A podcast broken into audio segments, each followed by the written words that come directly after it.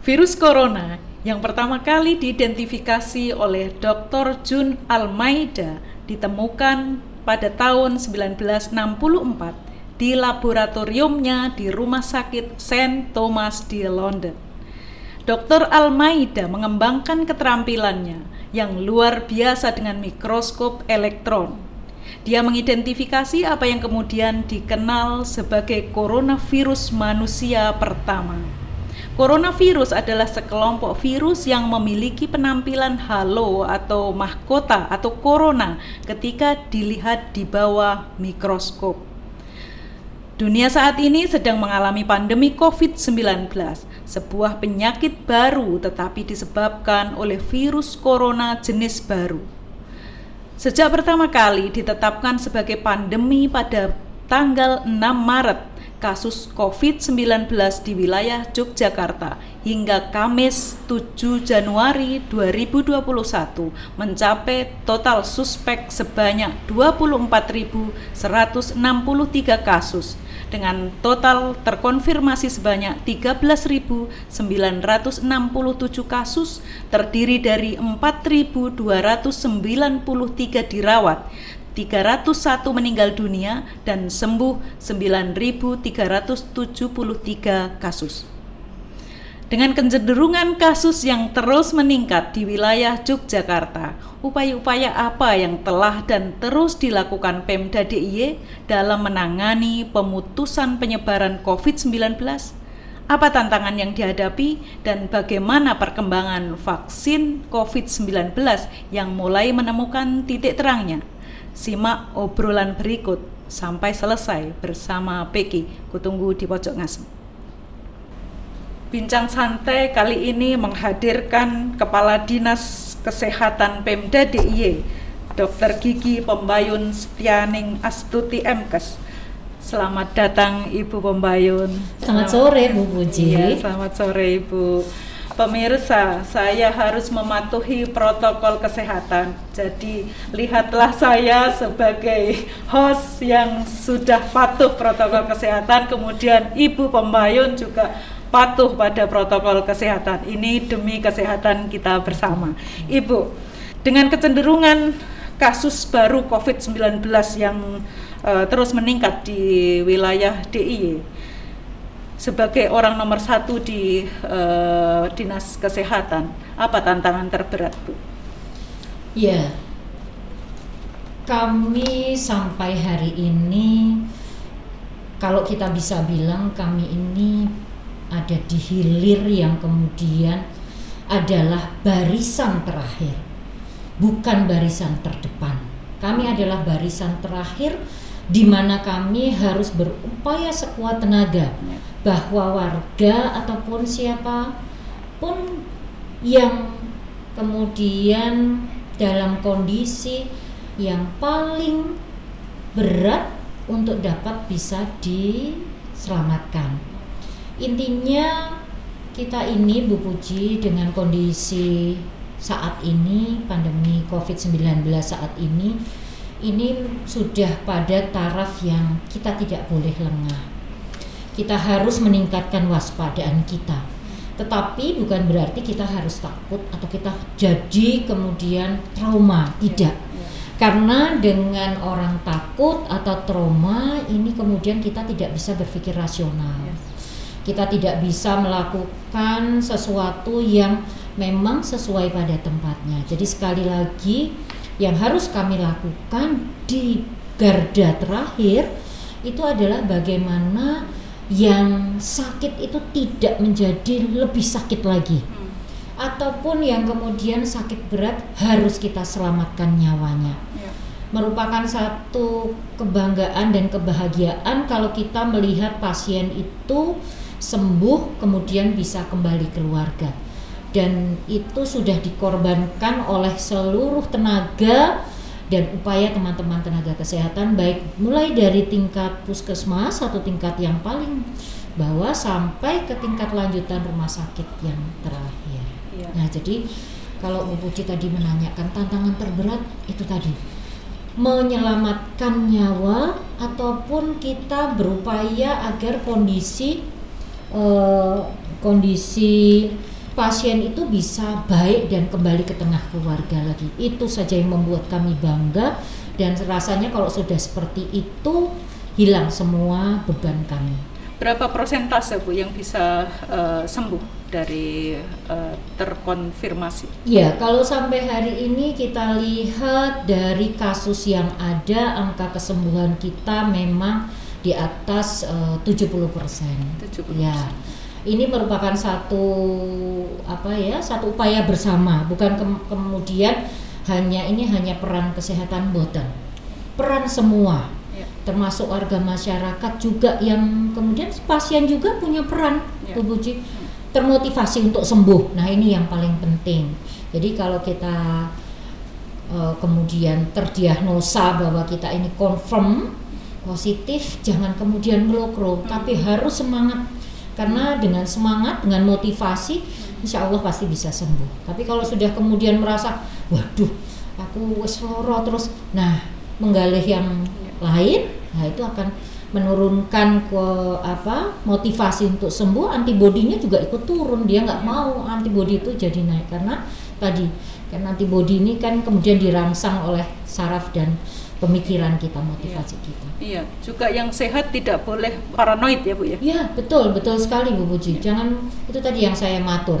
Waspada tapi jangan terlalu takut Iya. Gitu. Program Kanalku Tunggu di Pojok Ngasem sebagai ruang tempat perjumpaan ke depannya akan terus dikembangkan untuk mendiseminasikan budaya unggul bagi Indonesia maju dan mandiri melalui ruang-ruang dialog, ruang-ruang perjumpaan, ruang-ruang ekspresi apresiasi multi arah bagi tumbuhnya budaya hybrid, saling silang atau cross culture hybrid terdiri dari beberapa kegiatan yaitu Temu Kamis Legen, Arsitektur Factory Lab, Solo Artwork Exhibition atau Showcase, Pendopo Agung Mid Monthly Performance, Oktoberfest bersamaan dengan acara Dies Natalis UEM dan Lingkar Pendopo Agung meliputi diskusi, workshop, seminar, bedah buku dan kegiatan literasi. Beberapa program yang sudah berjalan sejak bulan September adalah podcast, pameran tunggal satu karya, dan vlog. Sebenarnya Bu, seberapa besar sih prosentase kesembuhan orang atau pasien itu ketika ditangani oleh dokter atau ditangani oleh seorang psikolog yang karena pada saat dia terkonfirmasi sakit hmm. atau positif hmm. dia pasti sangat down. Iya betul. Uh, bagaimana ini uh, prosentasenya? Apakah uh, secara medis uh, dua-duanya ini sangat uh, berdampingan atau harus? Uh, itu tergantung dari uh, beratnya beratnya penyakit hmm, Bu hmm. Kalau berat, uh, saya berisikan contoh. Kalau pada pasien-pasien cancer yeah. itu lebih berat atau lebih banyak persentasenya adalah motivasi untuk sembuh. Hmm, yeah. Tetapi kalau misalnya kondisi atau kasus-kasus ya taruhlah kasus misalnya kecelakaan yang ringan, kecelakaan sedang, operasi itu tergantung dari uh, pengobatan tata laksana untuk pelayat, perawatan dari pasien. Nah, untuk pasien-pasien yang kita sebut dengan mereka yang memiliki penyakit tidak menular hmm. atau penyakit yang lama sembuhnya itu akhirnya bergantung pada motivasi pasien untuk hmm. sembuh. Contohnya penyakit diabetes melitus, yeah. penyakit hipertensi itu obat ataupun uh, apa namanya periode kontrol yang teratur itu hanyalah satu alat bantu. Yeah. Tetapi motivasi pasien sendiri untuk sembuh dengan menjaga makan, pola makan, kemudian istirahatnya itu menjadi satu poin yang lebih gitu Bu Jadi iya. Yeah. Untuk saat ini Yogyakarta uh, dalam pemberitaan berada pada zona merah. Sebenarnya zona merah itu yang seperti apa sih? zona merah membara ya gitu iya. kalau kita ngeri. iya. Zona merah ini sebenarnya adalah uh, sebagai apa ya?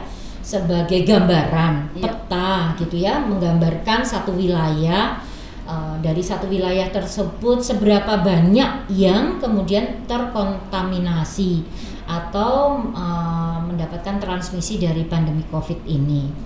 Nah, jadi uh, kemudian kalau zona merah, oranye atau hijau itu jumlah jumlah kasus yang terjadi di satu wilayah. Jadi kalau dibilang zona merah itu kasusnya cukup banyak pasti ini. Hmm. Kasus confirm, kasus confirm itu ada kasus yang positif. Iya. Nah itu cukup banyak. Nah itu ada memang ada batasannya, ada range-nya.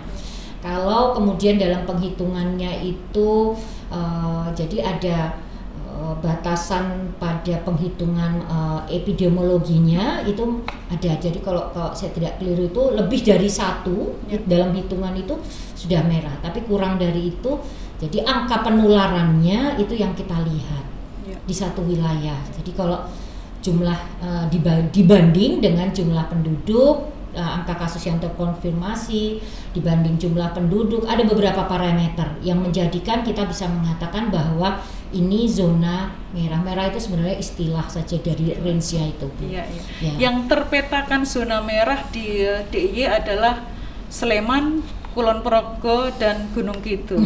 Semengerikan apa ini, Ibu, daerah-daerah itu? Ya, kalau kita lihat beberapa minggu atau mungkin ya beberapa minggu terakhir lah ya. Tapi sebenarnya mohon maaf kayak seperti Gunung Kidul, Bantul itu kan memang dari awal cukup tinggi. Ya. Bantul, Gunung Kidul, Sleman itu memang cukup tinggi. Tapi saat ini sudah hampir merata. Hmm. Jadi sudah hampir merata. Maka di saat besok tanggal 11 sampai 25 Januari ini kan kemudian pembatasan atau eh, PSBB-nya itu kan untuk seluruh DIY. Iya. Tidak bisa kita hanya satu kabupaten atau beberapa kabupaten tidak. DIY ini harus sama, harus satu kesatuan. Karena mobilisasi penduduk ini kan juga tidak bisa misalnya saya di Sleman, Bu Puji di Bantul tidak bisa dengan jarak yang dekat kemudian kita tidak. Kita pasti bermobilisasi di seputaran itu. Iya. Nah, jadi seberapa mengerikan? Ya, memang kasusnya cukup tinggi. Bantul, eh, Gunung Kidul itu cukup tinggi. Kemudian kalau saya bilang manisnya bilangnya cukup tinggi gitu ya, walaupun sebenarnya tinggi gitu. nah ini menjadi perhatian kita Iya, bersama, iya. menjadi perhatian kita bersama. Sleman juga banyak, memang juga karena penduduknya juga banyak ya. Iya, Bu iya. Iya.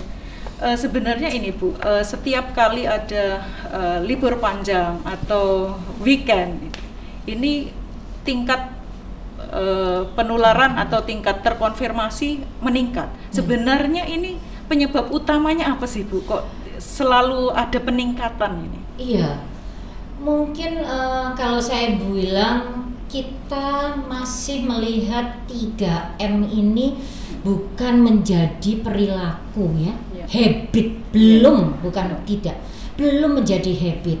Gitu. Kita masih 3M itu suka ya kami melihatnya oh, memang perlu ada apa ada eh, motivasi ada apa, apa namanya Kesadaran itu ya? ya di samping kesadaran betul bu kesadaran juga harus sedikit dipaksa gitu Betul. kenapa karena dia harus menjadi suatu eh, apa kalau kayak eh, lifestyle lah gitu Ya. gaya hidup. Jadi kalau pulang dari keluar dari luar rumah itu harus cuci tangan.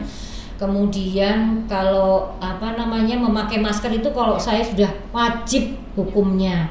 Di- kalau keluar dari rumah tidak pakai masker itu sebenarnya sudah kita itu sudah me- merelakan diri untuk kena covid gitu saja kalau saya. Bukan nakut nakutin ya tapi itu tadi karena kewaspadaan itu. Betul, ya. kita juga pulang dari luar itu jangan sampai kita membawanya pada keluarga. Ya, nah yang terakhir menghindari kerumunan. Ya. mungkin menghindari kerumunan tidak gitu tapi kemudian banyak toh kalau libur itu yang reuni sekolah reuni teman gitu kan? Ya, Uh, ulang tahun mungkin kecil-kecilan tapi terus kita lupa gitu ya betul. nah sebenarnya kami ini dari bidang kesehatan tidak melarang untuk dilakukan hal Iya. itu tapi hanya derek titip itu juga menjadi bagian dari kita misalnya apa eh, berwisata kita kemudian melakukan kegiatan bersama beberapa teman itu boleh tapi jangan lupa seperti itu 3M. protokolnya Iya, oke. Inje. Nah ini tentang fasilitas kesehatan Bu, yang saya dengar ini eh, semoga tidak terjadi lagi. Hmm. Katanya ada 20 pasien uh, yang ada di salah satu rumah sakit swasta tetapi tidak kebagian fasilitas prasarana kesehatan dan akhirnya ada yang meninggal sembilan hmm. karena tidak tertangani. Yeah. Benarkah seperti itu, Ibu? Ya, jadi begini. Mobilisasi pasien ini kan juga harus memperhitungkan beberapa hal. Yang pertama, bahwa rumah sakit ini tidak bisa mencampurkan pasien laki-laki dan perempuan dalam satu kamar. Yeah. Kan tidak bisa. Pasien anak-anak dengan dewasa juga tidak boleh satu kamar. Yeah. Kemudian pasien misalnya COVID-19 tapi punya infeksi lain, hmm. itu juga tidak bisa. Hmm. Nah, sehingga pada saat rumah sakit ini siap untuk kamar laki-laki tetapi yang mau masuk putri itu kan tidak bisa. Yeah. Nah, oleh karena itu sebenarnya yang sudah kami lakukan adalah menambah bed. Hmm menambah bed sudah, menambah tempat tidur baik untuk perawatan isolasi maupun ICU sudah kami lakukan. Nah, yang saya harus matur pada uh, Bu Puji dan Bapak pendengar itu adalah itu tadi. Sekali lagi kami ini tinggal di hilir. Hmm. Hulunya ini kalau tidak kita semua punya kesadaran itu menjadi kondisinya seperti ini. Yeah tidak eh, teman-teman di rumah sakit itu sesungguhnya sudah menambahkan bed hmm. dan menambahkan SDM-nya. Hmm. Jadi masalah rumah sakit itu tidak hanya menambah tempat tidur, yeah. tapi juga menambahkan tenaga kesehatannya. Yeah. Dan tenaga kesehatannya Bu Puji di ruang ICU dan di ruang isolasi itu berbeda. Hmm. Di ruang ICU itu peralatannya lengkap, peralatan dengan uh, teknologi yang lebih daripada ruang isolasi. Iya. Kemudian butuh keterampilan yang lebih daripada tenaga kesehatan yang di ruang iya. isolasi. Nah, kondisi-kondisi seperti ini yang kami mohonkan betul-betul kepada warga DIY gitu ya. Monggo toh, kita ini sudah banyak menambah. Tolong kami dibantu. Itu tadi. Yang berikutnya biasanya pasien itu datang sudah dalam kondisi yang berat gitu ya. Nah, maka kami kemudian selalu melakukan sosialisasi gitu ya. Tanda-tanda untuk kondisi COVID ini juga sudah sering kami sosialisasikan. Dan yang berikutnya, tidak semua pasien COVID itu harus dirawat di rumah sakit. Ya. Pasien positif tetapi tidak bergejala bisa di lakukan perawatan isolasi mandiri di rumah atau di shelter-shelter yang sudah disediakan pemerintah. Gitu Bu Budi. Iya. Jadi kalau ditanya sampai tidak dapat tempat sebenarnya ada ruang tetapi itu tadi kami berupaya untuk apa menambah selalu menambah walaupun mungkin di data eh, kadang-kadang kami ada yang di data tidak sama dengan realita di lapangan artinya begini dalam dalam uh, perspektif yang positif mungkin di satu rumah sakit disebutkan ruang ICU-nya hanya tiga, ruang isolasinya lima. Tetapi yakinlah gitu ya bahwa teman-teman di rumah sakit itu bila memungkinkan tidak mungkin mereka itu akan menelantarkan pasien. Pasti mereka itu akan menambahkan ruang tertentu untuk menjadi pelayanan COVID. Nah, yang kemudian teman-teman rumah sakit ini kadang lupa menginput, nah menginput data bahwa mereka itu sebenarnya menambah sudah menambah tapi belum mencatatkan. Saya makanya tadi saya matur sama Bu Puji, Bu saya izin pakai masker karena saya beberapa saya lihat di beberapa rumah sakit teman-teman ternyata seperti itu. Nah sekali lagi kami mohon sekali bantuan dari Ibu Bapak bahwa kami tolong dibantu iya. dengan itu tadi. Iya, dengan meningkatnya volume uh, pasien yang harus dilayani ini. Mm -mm. Tentang tenaga medis sendiri bagaimana Bu uh, kesehatan mereka? Iya, itu tadi kita sama-sama sudah sampai 9 bulan sudah bosan ya hmm. sudah capek ya yeah. sudah lelah gitu ya sama teman-teman nakes kami juga sudah lelah gitu ya yeah. tetapi karena teman-teman kami ini sudah diikat oleh uh, sumpah jabatan kemudian punya etika profesi maka teman-teman tetap harus melaksanakan itu yeah. Untuk SDM sendiri di beberapa rumah sakit memang masih ada kekurangan ketimpangan. Oleh karena itu, kami rekrutmen relawan. Ya, jadi relawan saat ini sudah tersedia sudah ada 26 relawan yang ada memang hanya di tiga, di tiga rumah sakit besar ini di Rumah Sakit Harjo Lukito, Rumah Sakit Sarjito, dan Rumah Sakit Akademik UGM. Karena rumah sakit ini punya kemampuan tempat tidur, sarana dan prasarana memang punya besar dan masih memungkinkan untuk ditingkatkan gitu Bu Puji. Upaya yang untuk apa meminimalisir uh, apa namanya resiko Bu hmm. yang dialami oleh tenaga medis maupun para medis apa yang dilakukan? Ya, yang pertama kami tentu saja harus mengakomodir kebutuhan APD mereka. Ya. APD itu mulai dari Google, kacamata, uh, masker, hazmat dan seterusnya sampai kebutuhan untuk pelayanan dengan memakai APD level 3. Hmm. Ya, jadi itu mereka level 3 itu lengkap pokoknya kayak astronot itu. Hmm. Nah, itu yang bertugas di ruang-ruang perawatan atau yeah. ruang pelayanan yang uh, dengan bertekanan negatif dan pakai ventilator. Hmm. Yang kedua, kami tentu saja melakukan uh, apa ya screening gitu ya yeah. screening bagi tenaga kesehatan apalagi kalau mereka kemudian ada yang terkonfirm Bu Puji yeah. dan yang terakhir kami berupaya untuk mensupport dan Kementerian Kesehatan juga memberikan support pada tenaga kesehatan memberikan multivitamin hmm. pada teman-teman nakes kami. Hmm. Jadi sama sebenarnya bagaimana teman-teman tenaga kesehatan juga harus menjaga imun ya. Yeah. Antibodinya juga harus yeah. di dalam dalam tingkat yang baik lah, tingkat optimal gitu. Yeah. Presentasi kesehatan mereka, Bu?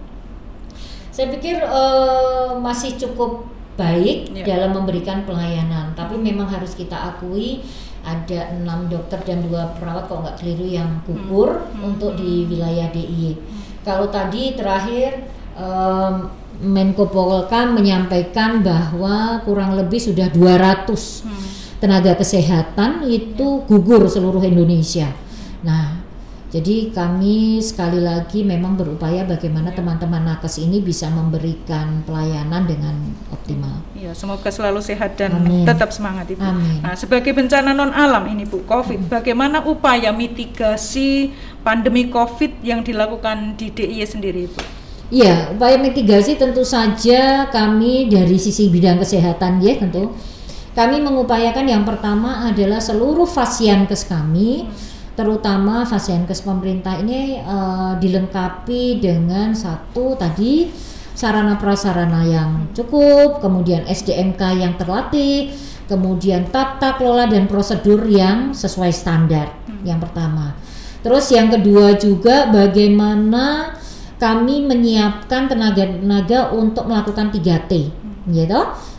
Testing, tracing dan treatment. Itu harus karena itu memang ketugasan kami dan teman-teman memang harus melakukan itu dalam rangka memutus mata rantai jadi melacak hmm. sampai semaksimal mungkin agar uh, kita tahu nih rantai masalahnya di mana kemudian bisa kita selesaikan.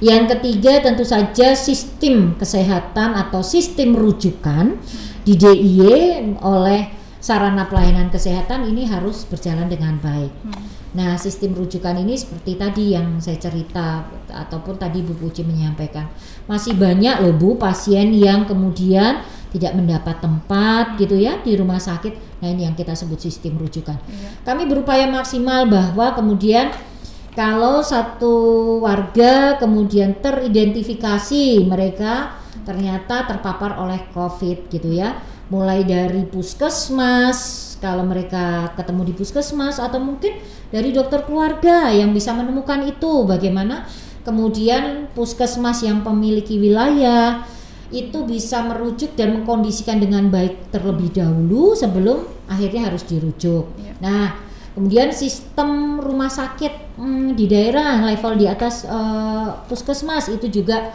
harus terkondisi dengan baik. Jadi tiga hal itu tadi sarana prasarana SDM-nya, kemudian sistem rujukannya, dan yang terakhir bagaimana uh, tadi SDM tata kelola itu berjalan dengan baik. Sejauh ini uh, efektif bu berjalan dengan lancar? Ya, Menurut saya ya, karena teman-teman punya komitmen yang kuat terhadap hal itu. Cuma memang sekali lagi tadi saya matur dari sistem kesehatannya sebenarnya kami siap. Ya. Walaupun ini kita semua belajar, Ya. gitu ya. Ya. Karena ini adalah uh, pandemi yang mm, apa menjangkit semua di seluruh Ya. dunia gitu ya. Dan ini memang kita belajar karena varian atau virus ini kan memang sangat berbeda dengan virus yang terdahulu. Iya. Eh, Kendala yang dirasakan nih Bu untuk melakukan mitigasi ini. Eh, satu dua kami merasa bahwa kecukupan, Ya. kecukupan untuk sarana prasarana eh, masih harus lebih optimal. Walaupun kami ini, eh, saya kalau saya bilang saya hampir lima tahun jadi kepala dinas kesehatan itu sebenarnya luar biasa. Teman-teman tenaga kesehatan ini punya komitmen dan cepat untuk belajar dan mau belajar Ya. ini yang luar biasa menurut saya sehingga kita tinggal pemerintah ini pemerintah daerah maupun eh, pihak swasta gitu ya pelaku usaha swasta ataupun institusi pendidikan gitu Iya. kita tinggal bergandengan sebenarnya Betul. untuk membantu Iya. membantu mereka supaya tetap terus memberikan pelayanan yang terstandar Iya. Sejauh pengamatan dinas kesehatan Ibu me- mengenai eh, penerapan protokol kesehatan sejauh mana kesadaran eh, masyarakat? Kami mempunyai dinas kesehatan ini membuat suatu telesurvey sederhana, Bu Puji. Setiap dua bulan Ya. kami melakukan telesurvey dan kurang lebih responden kami itu ada sekitar 3.500. Iya. Nah kami akan sangat senang sekali kalau uh, Universitas Widya Mataram juga ikut bantu-bantu gitu Ya, ya. boleh Ibu, siap kita.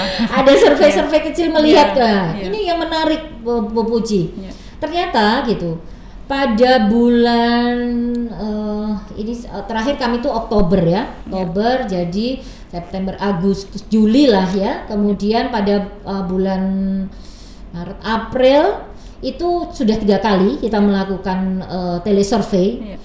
Masalah kepatuhan ini di awal rendah di bulan eh, Jun, Juli, eh, Agustus itu bagus. Hmm. Nah, gitu. Tetapi di bulan Oktober ini turun. Hmm. Hmm. Jadi kami melihatnya jadi masalah kepatuhan, baik itu pakai masker, baik itu cuci tangan, baik itu Berkerumun, men- ya, menghindari kerumunan, menjaga jarak. Ya.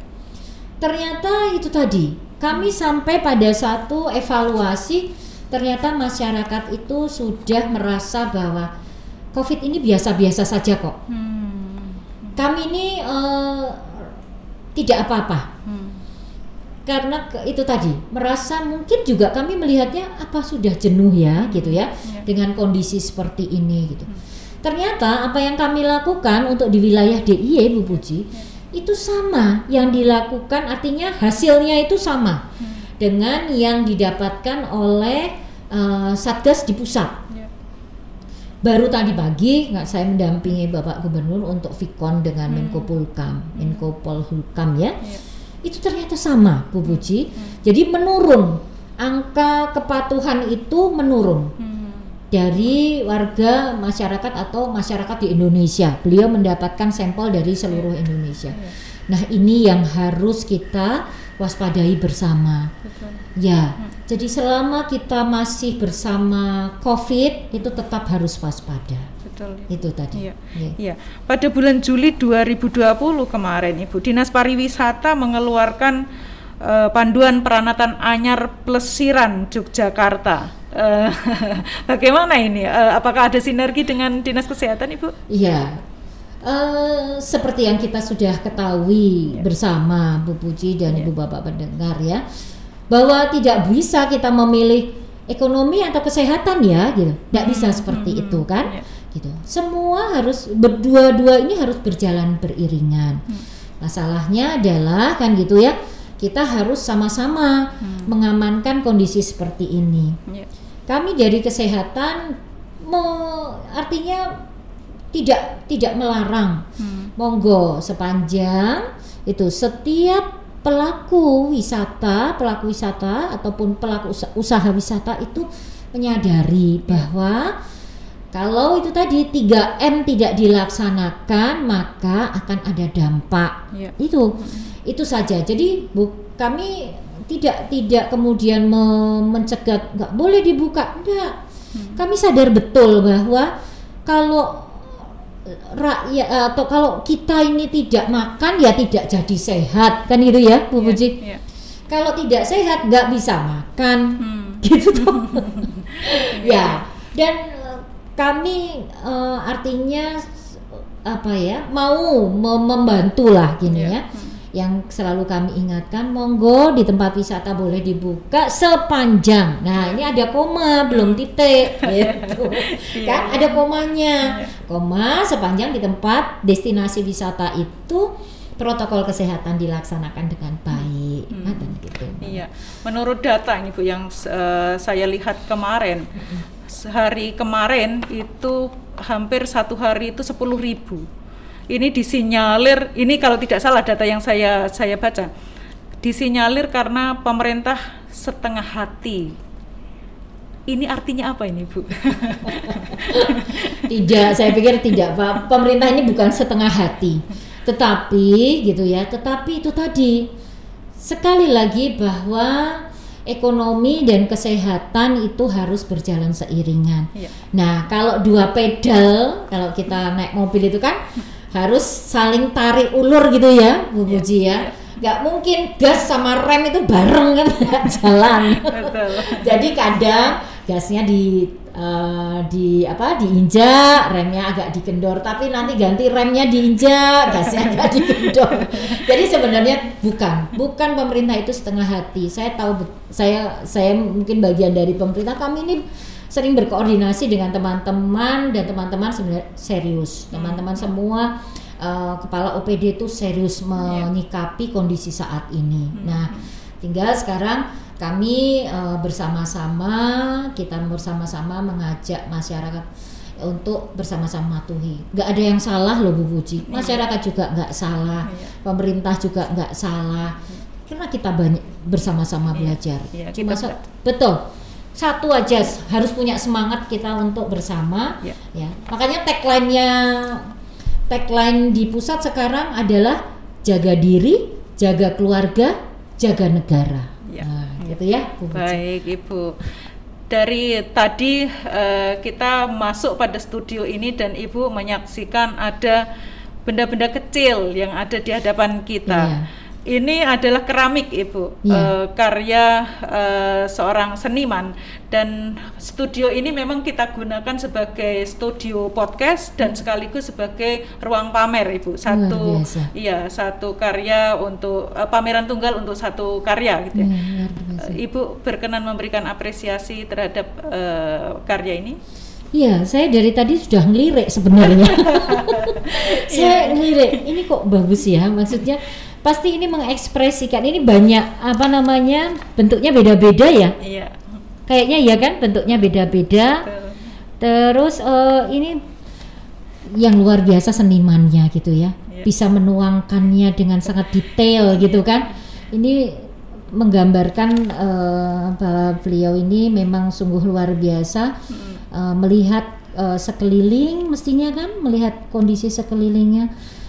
Ya, saya dari tadi ngelirik terus saya lihat warnanya pun gitu ya, bentuknya pun gitu luar biasa. Iya, Ibu ini judulnya memang manusia. Oke. Jadi berbagai eh, saya juga mengamati ini ada berbagai manusia dengan berbagai ini ya bentuk dan ekspresi ya. Iya, iya, iya. iya. Iya, Ibu.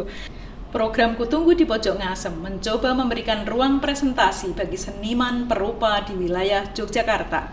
Pada periode pertama yang akan berlangsung hingga Juli 2021 melibatkan 20 seniman perupa terdiri dari seniman muda, seniman non-akademik atau otodidak, serta seniman eksperimental. Ini menjadi upaya Universitas Widya Mataram untuk mendiseminasikan budaya-budaya unggul maupun produksi reproduksi ilmu pengetahuan. Karya di samping saya adalah karya keramik yang merupakan pameran tunggal satu karya di studio podcast Kutunggu di Pojok Ngasem. Hingga saat ini sudah memasuki edisi ketujuh. Seniman muda Sitik Purnomo mempresentasikan karya series Tiga Matra berjudul Manusia. Seniman asal Pager Jurang Bayat Klaten yang dalam enam tahun terakhir intens melakukan eksplorasi eksperimentasi dalam hal gerabah dan keramik 15 objek karya keramik yang mengeksplorasi medium tanah liat sedimen yang biasa digunakan untuk pembuatan gerabah dalam eksperimen temperatur ruang bakar dan mengaplikasikan pelapisan permukaan dengan menggunakan cat glasur hingga menjadi keramik. Kita ini kan dalam uh, kita menerima dengan bahagia dengan uh, apa senang hati karena dengan kita sudah sejak bulan Maret sampai hmm. hari ini hmm. hampir berapa bulan? Sembilan bulan, ya, sembilan ya. sepuluh bulan ya bu. Ya, ya. Dan ada kabar gembira tentang vaksin. Sebenarnya vaksin ini bagaimana kondisinya ibu? Bagaimana kita harus menghadapi dengan Baik. kesiapan kita? Ya, terima kasih Bu Puji. Uh, ya, Vaksin ini harus dipahami bahwa vaksin ini adalah satu alat bantu. Ya. ya. Sekali lagi saya selalu menyampaikan bahwa vaksin ini bukan segala-galanya. Hmm. Ya. Dan vaksin ini seperti kita tahu bersama kami bahwa vaksin satu vaksin itu hanya untuk satu penyakit tertentu. Ya. Ini juga saya ingin meluruskan gitu ya kadang-kadang masih banyak persepsi kalau sudah divaksin, sudah disuntik dengan satu vaksin ini, semua kita tidak tidak akan terkena penyakit lainnya, hmm. tidak. Ya. Jadi satu vaksin ini hanya untuk satu penyakit, satu. Ya. Yang kedua, vaksin ini sekali lagi adalah alat bantu. Ya. Alat bantu apa? Alat bantu untuk mem membuat tubuh kita, antibodi kita itu menjadi lebih siap dalam menghadapi atau dalam uh, kondisi di mana virus itu akan masuk. Ya. Itu. Yang ketiga, an, uh, vaksin ini adalah yang uh, vaksin yang uh, apa sifatnya memicu kita untuk merubah peril untuk merubah perilaku untuk menjadi lebih baik, hmm. gitu ya. Kalau tadi saya bilang, jadi ada tiga hal ini. Yeah sehingga saya boleh sampaikan bahwa vaksin ini bukan segala-galanya dan jangan kemudian punya persepsi begitu selesai divaksin begitu mendapatkan vaksin maka saya kebal hmm. selamanya hmm. nah itu tadi masih koma belum titik belum titik jangan dikira kita ini terus kebal selamanya dengan uh, virus COVID-19 ini hmm. tidak begitu hmm. jadi vaksin ini sekali lagi akan membantu kita untuk apa gitu ya untuk kita mendapatkan satu kekebalan yang sifatnya itu um, masal ya hmm, masal hmm. jadi begini pandemi ini kan sudah um, meliputi banyak orang hmm. dalam satu wilayah gitu ya Nah, sekarang pada saat di satu wilayah itu banyak orang mendapatkan vaksin, hmm. mendapatkan imunisasi, yeah. diharapkan dalam wilayah itu terjadi kekebalan. Hmm. Sehingga gitu kan, di dalam satu wilayah ini ada kan orang-orang yang rentan hmm. terhadap penyakit ini. Contohnya hmm para lansia, anak-anak gitu kan, ataupun orang yang punya komorbid, ya. yang orang-orang komorbid ini atau punya penyakit pendukung yang pada kondisi-kondisi tertentu dia tidak boleh divaksin. Hmm. Gitu. Nah, sehingga kita yang sehat ini harus divaksin supaya tadi kalau di atas 70% penduduk satu wilayah itu tervaksinasi, maka diharapkan terjadi yang namanya herd immunity. Yeah. Immunity atau kekebalan secara uh, massal, kekebalan lingkungan. Yeah. Nah, banyak orang sehingga tadi bayi-bayi kita uh, mungkin eyang-eyang kita atau saudara kita yang punya komorbid gitu tidak divaksin karena kondisi itu tetap mendapatkan kekebalan dari kita yeah. gitu. Hmm. Nah, tetapi kekebalan ini juga harus dijaga tetap di didukung oleh 3M. 3M-nya ini nggak boleh lepas, Bu Puji. Oh, saya kira setelah vaksin boleh lepas masker, Bu. Ternyata enggak ya.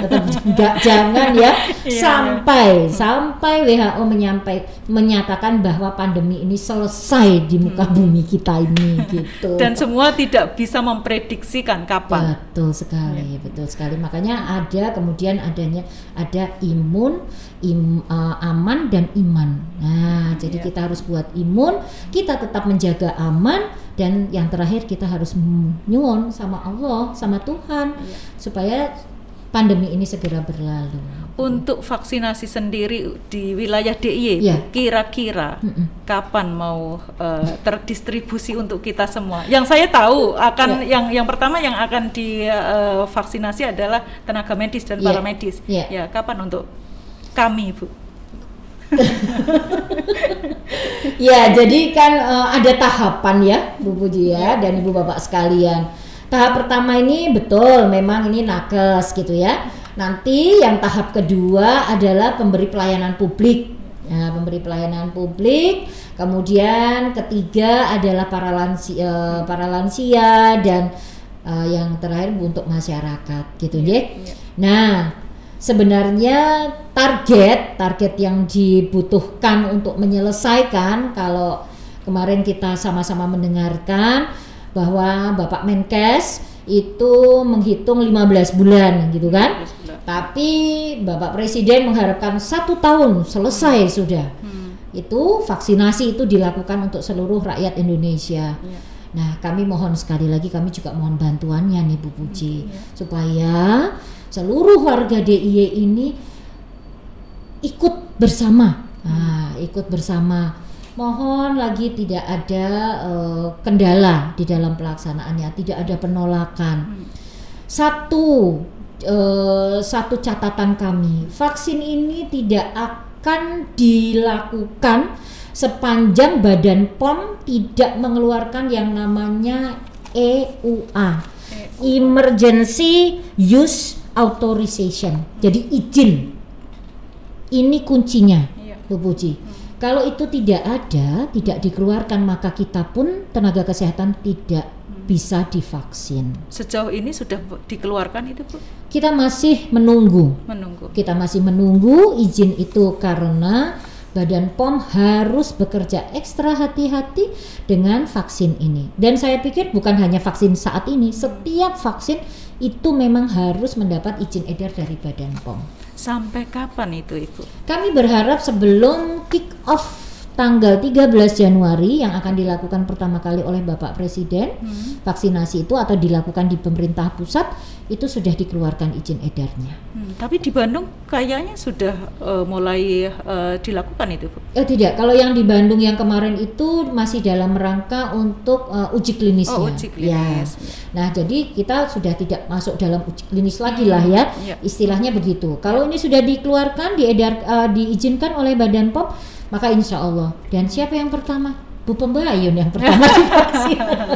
iya, supaya lebih imun ya, Ibu ya. Iya. Betul. ya. Iya. Eh, mudah-mudahan nanti ke- tidak ada eh, penolakan dan sebagainya. Ini Insya Allah. rumor yang sedang eh, beredar, Ibu. Ya. Rumornya ketika kita divaksin, eh, kita kebal terhadap COVID. Tetapi menurun kekebalannya, apakah itu benar, Ibu? Menurun kekebalannya pada eh, virus yang lain? Tidak. Tidak. Jadi sekali lagi Ya. tadi yang saya matur, vaksin ini memang hanya untuk virus tertentu, Iya. gitu. Kalau kemudian menurun kekebalannya pada virus yang lain, ya ini karena memang lain, bukan yang disasar adalah bukan penyakit yang Iya. tertentu ini, begitu Bu Puji. Jadi tetap kalau untuk eh, vaksin ini ya untuk penyakit eh, COVID-19 ini. Ibu, Ibu sebagai Kepala Dinas eh, Kesehatan DIY di eh, daerah istimewa Yogyakarta, istimewa. Saya menggarisbawahi istimewa, yang harus istimewa Iya, iya. dengan eh, daripada di tempat yang lain ya Bu Iya. ya. Nah, sepengetahuan saya ini Bu, ada uh, seniman-seniman yang ikut membantu sebenarnya membantu hmm. untuk memberikan support kepada tenaga medis dan sebagainya. Misalnya seni grafis di jalanan yang dilakukan oleh Andre Anagat misalnya, di bagaimana uh, mengajak masyarakat untuk disiplin uh, protokol kesehatan. Uh, kemudian juga ada seniman yang namanya Yaksa, dia memberikan uh, karya seninya dengan uh, judulnya Titir. Ini hmm. juga bagaimana dia melakukan apa namanya edukasi pada masyarakat secara langsung di ruang-ruang publik atau di dengan kegiatan yang lain. Ada kira-kira ada uh, rencana Ibu untuk menggandeng seniman uh, di untuk upaya protokol kesehatan di dinas kesehatan? Iya. Ya. ya, saya sangat appreciate artinya uh, di oh, beliau-beliau um, yang di luar bidang kesehatan menurut saya sangat memahami gitu hmm. ya hmm. dengan cara beliau ya. dengan cara beliau memahami bahwa ini adalah masalah uh, kemaslahatan umat hmm. gitu ya hmm. tentu saja kami bila nanti beliau berkenan kita punya uh, satu kegiatan mungkin dalam waktu dekat kami juga akan punya kegiatan untuk mensosialisasikan. Ya. Kami akan sangat berterima kasih kalau beliau kemudian berkenan untuk menjadi narasumber kami gitu ya. Karena kami butuh dari uh, menjelaskan atau memberikan informasi pada masyarakat itu butuh dari sisi yang lain. Hmm. Mungkin kan masyarakat bosan gitu ya, ya. kalau kita terus orang kesehatan terus kalau bilang ya baik wong kesehatan nek ngomongnya kesehatan gitu ya. Tapi kalau beliau-beliau ini para seniman yang luar biasa yang bicara kesehatan kami sangat berterima kasih ya. dan kami sangat bangga ya. untuk hal itu. Baik Ibu, terima kasih banyak. Ada pesan yang uh, ingin disampaikan Ibu untuk bagaimana masyarakat menjalani menghadapi pandemi ini utamanya dalam menyambut vaksin nanti. Ya, atur nuwun sekali lagi Bu Puji atas kesempatan uh, kali ini juga kami ingin titip bahwa gitu tidak ada uh, tidak ada vaksin yang bisa menyelesaikan segalanya. Tetapi kami berharap bahwa kita semua mendukung pelaksanaan vaksinasi ini, gitu ya. Kalau kita melaksanakan uh, vaksinasi ini ingatlah bahwa gitu ya, kita ini berbuat untuk orang-orang yang kita cintai. Kita berbuat untuk keluarga yang kita sayangi. Kita berbuat untuk masyarakat dan secara umum kita uh, berbuat sebagai uh, warga negara dan sebagai makhluk sosial yang baik. Oleh karena itu, kami berharap dukungan ini bisa diberikan dan semua bisa melaksanakan uh, vaksinasi ini ikut serta dalam program vaksinasi ini dan yang terakhir, kita juga membutuhkan dukungan. Kita selalu berdoa bahwa kita semua warga DIY umumnya dan semua warga negara Indonesia selalu dalam lindungan Allah tidak Amin. menjadi lebih berat lagi. Amin. Amin. Terima kasih Ibu. Iya. Masih banyak masyarakat yang menganggap COVID-19 merupakan hoax atau hasil konspirasi, meskipun dalam kenyataannya COVID-19 ada dan telah memakan banyak korban jiwa dalam waktu cepat, termasuk tenaga medis yang berada di barisan terdepan atau barisan terakhir penanganan pencegahan dan pengendalian penularan COVID-19 mengabaikan protokol kesehatan, maka tidak saja mengorbankan keselamatan diri sendiri, tetapi juga keluarga dan orang terdekat di sekitar Anda. Pandemi ini akan berlalu dengan kerjasama seluruh pihak, termasuk Anda. Jika video ini bermanfaat, kabarkan kepada halayak. Silakan share, subscribe, dan e, komentar. Berikan masukan, saran, dan kritik jika perlu. Tetap jaga kesehatan, jaga kebugaran tubuh, patuhi protokol kesehatan dan yang semestinya, dan tetap kutunggu di pojok ngasem.